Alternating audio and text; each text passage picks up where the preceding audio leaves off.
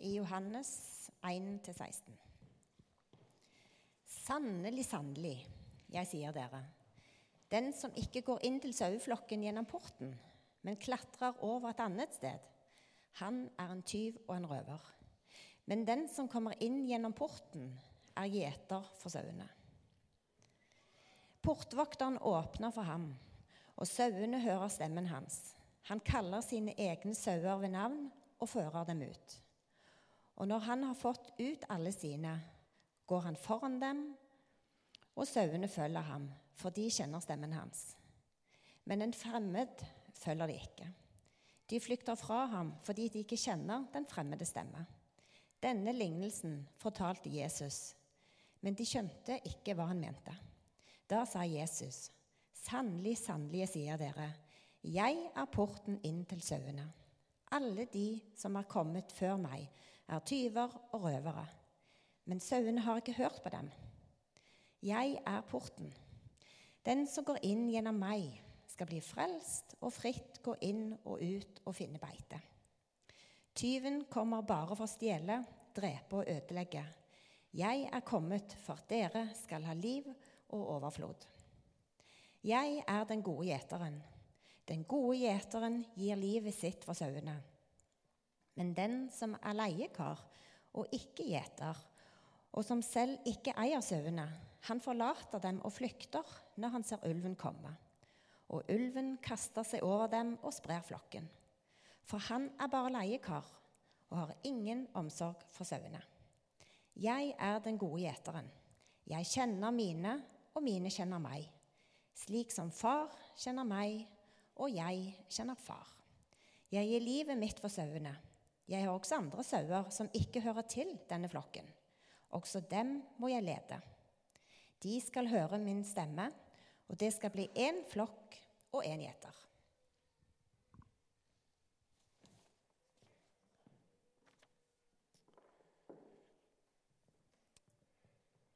Jeg vet ikke om dere så eh, på, på, nyhetene var noen år siden så var det en sau som ble funnet ute i den australske bushen. Og de ga navnet ironisk som Barak, som jeg syns var litt løye. Den hadde vært vekke, mista, ute i bushen i fem år. Og når de da endelig fikk klippet den, så var 35 kilo ull på den. Det er ganske tungt. Jeg tenker Han trengte ikke gjøre knebøy på en stund etter det. Og jeg tenker Det er ganske utrolig at han har overlevd så lenge som fem år. Jeg er ikke noen sauebonde, men jeg går ut ifra at det som regel når en sau er helt alene så lenge, så pleier det dessverre å gå galt. For det er ikke godt for sauer å være alene. De er flokkdyr. De holder i sammen. De trenger hverandre. De går i sammen til der det er noe eh, mat, vann osv. Det er en trygghet i det å være med andre.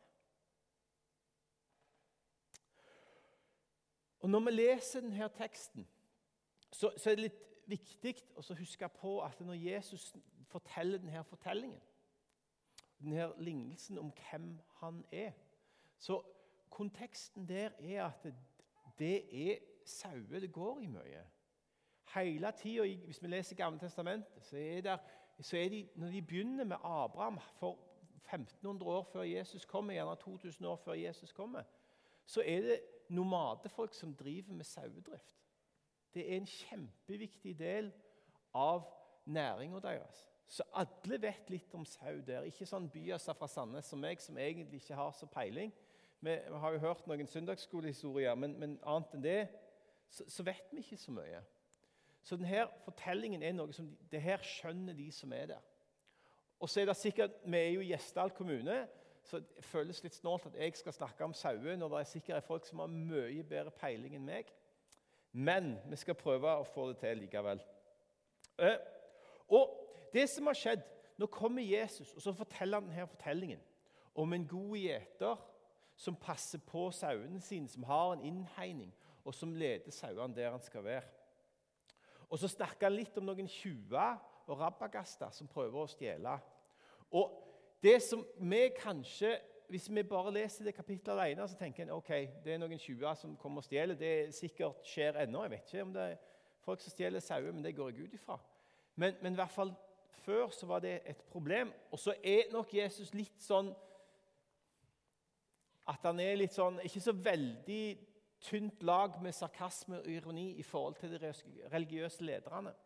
For han har nettopp krangla med dem. Eh, de religiøse lederne som heter fariseere eller skriftlærde, som på en måte hadde veldig mye ikke bare religiøs makt, men politisk makt. Og, og hadde, Han hadde nettopp helbreda en mann som endelig var født blind, og så har han fått syn igjen. Og så, så begynner de liksom å krangle litt fram og tilbake om, om Jesus gjør det her for at han er god og fra Gud, eller om Jesus er ond og har fått sånn makt fra noen sånn onde greier. Og litt sånn fram og tilbake. Og så til slutt så, For de er overbevist om at jo, han må jo ha vært syndig og født syndig, for det, og så har han blitt blind som en slags sånn straff. Og Det er Jesus ganske tydelig på. At det at du har en eller annen slags form for eh, utviklingshemming eller noe sånt som det, har ingenting med det å gjøre. Det er han veldig tydelig på. og Derfor blir det litt sånn krangling. Og så, Når han da begynner å snakke, ta denne lignelsen, så er det egentlig tjuvene og, og, og, de her Det er nok litt sånn dårlig tilslørt eh, litt sånn at det er jo fariseerne, de religiøse lederne, som han snakker om. For det han vil, det er jo at folk skal ha et liv i overflod. Han vil jo at sauene skal kunne legge seg ned i grønne enger, som det står i Salme 23, og slappe av der føle seg trygge. Vite at nå kan vi slappe av. Nå er det en gjeter som passer på. Nå trenger vi ikke kikke etter ulv eller løve eller andre farlige ting, andre tjuver og røvere som kommer og skal ta oss. For nå er det en gjeter som passer på. Så nå kan vi slappe av. Og det tenker jeg for oss òg. Vi har mye som skjer i livet. Vi er enormt travle.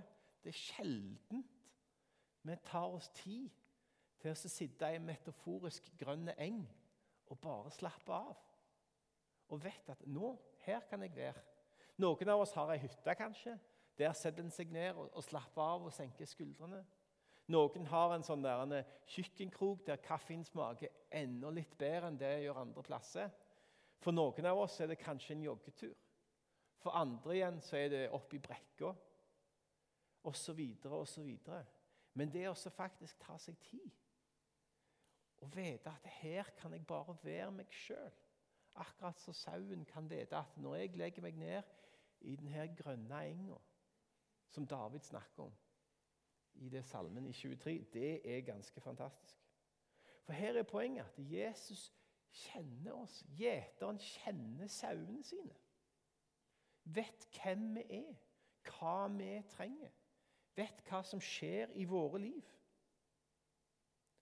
For Jesus er ikke en sånn gjeter som, som, bare peiser på og skynder og skynder. og skyndte. Kom igjen, kom igjen, kom igjen, som uh, gymlæreren min sa. Kom igjen, kom igjen!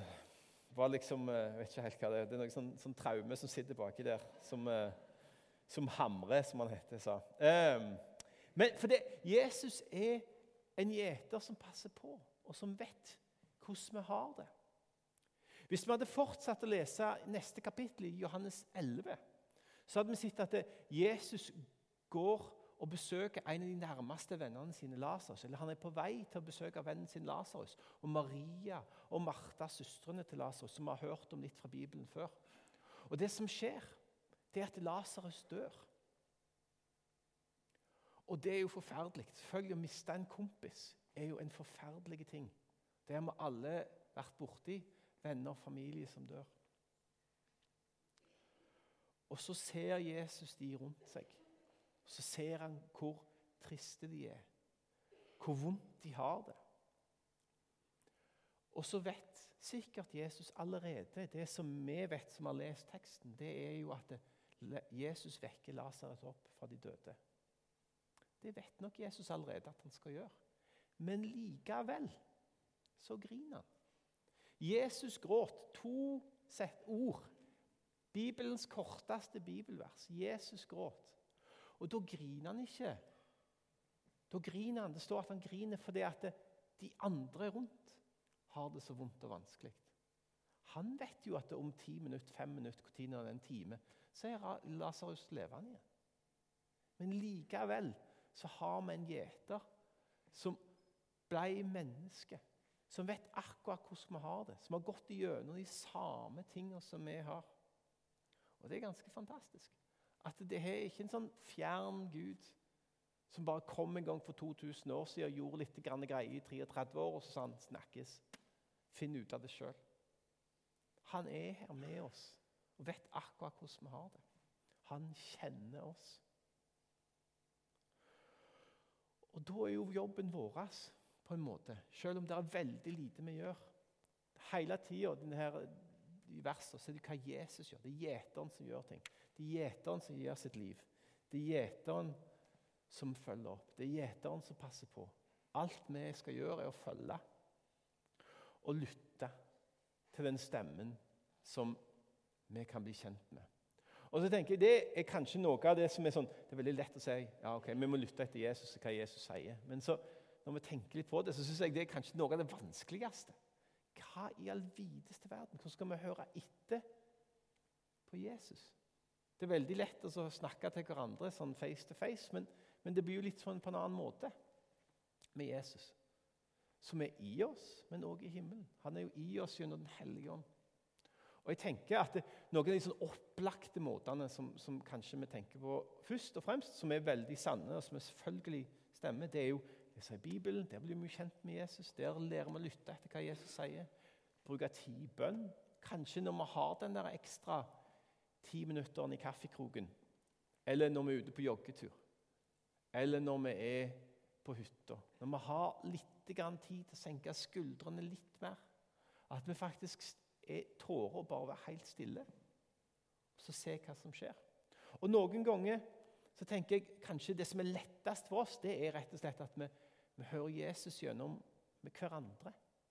At når vi sier ting til hverandre, når vi snakker sammen, når vi bygger hverandre opp, når vi hjelper hverandre, når vi ber for hverandre, så er jo det Jesus i og gjennom oss. Det er ganske fantastisk at vi får lov å være med på det. Og Det er det som gjør at jeg tror vi er best som flokkdyr, vi mennesker òg. At vi er ikke sånn one man island, som de ofte snakker om i Amerika. At vi er ikke ei sånn lita øy for oss sjøl, der vi klarer alt alene. Det er jo kanskje noe med sånn norsk individualistisk kultur at vi skal liksom klare alt sjøl, og vi skal være litt sånn entreprenører, og vi skal få det til. Og så er det noe positivt og bra med det. Men så er vi egentlig flokkdyr. Vi trenger egentlig hverandre. Vi trenger å være i sammen. Det er jo derfor vi samles hver søndag klokka 11. Det er for å si ok, nå har jeg hatt ei uke som har vært travel. Jeg har ei uke som har skjedd mye kjekt og kjipt. Vanskelig, travelt. Alle de andre tingene som har skjedd i løpet av uka. Men nå denne timen så skal vi få lov å være sammen. Nå skal vi få være en flokk der vi kan få samles hjelpe hverandre, synge eller breke, alt etter hvor flinke vi er å synge. Og ha litt tid der vi sier hei, nå er det tid å senke skuldrene sammen og ligge litt i ei grønn eng.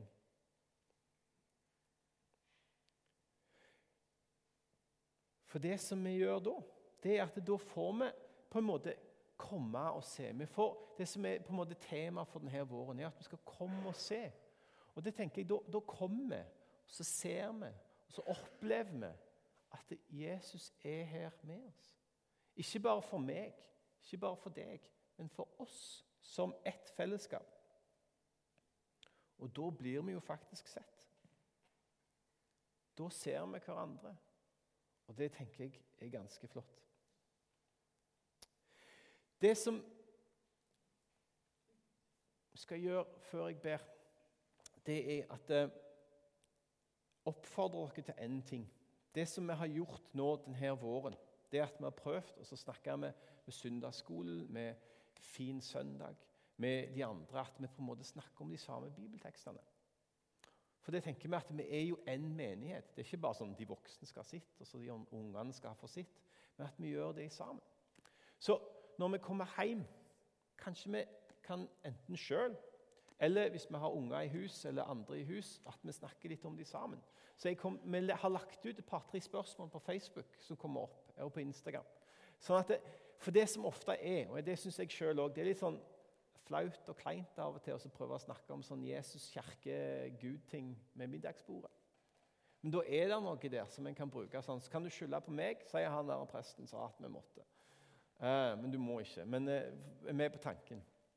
Eh, for jeg tenker at det, hvis vi er en flokk, hvis vi er ei stor gruppe, så må vi gjøre det i sammen. Vi må gå samme veien. Uansett hva alder. 0 til 115. Så går vi samme veien. Noen raskere enn andre, selvfølgelig da, hvis det er 115. Men, eh, men at det handler om at vi går samme veien. Vi følger vår gjeter, som er Jesus. At vi snakker litt gjennom de tingene. Så det er en utfordring til dere. Bare som en sånn, sånn praktisk ting. Da ber vi. Kjære far, vi takker deg for at du sendte Jesus. Vi takker deg for at du, Jesus, er vår gjeter. At du kjenner oss. At du vet hvem vi er.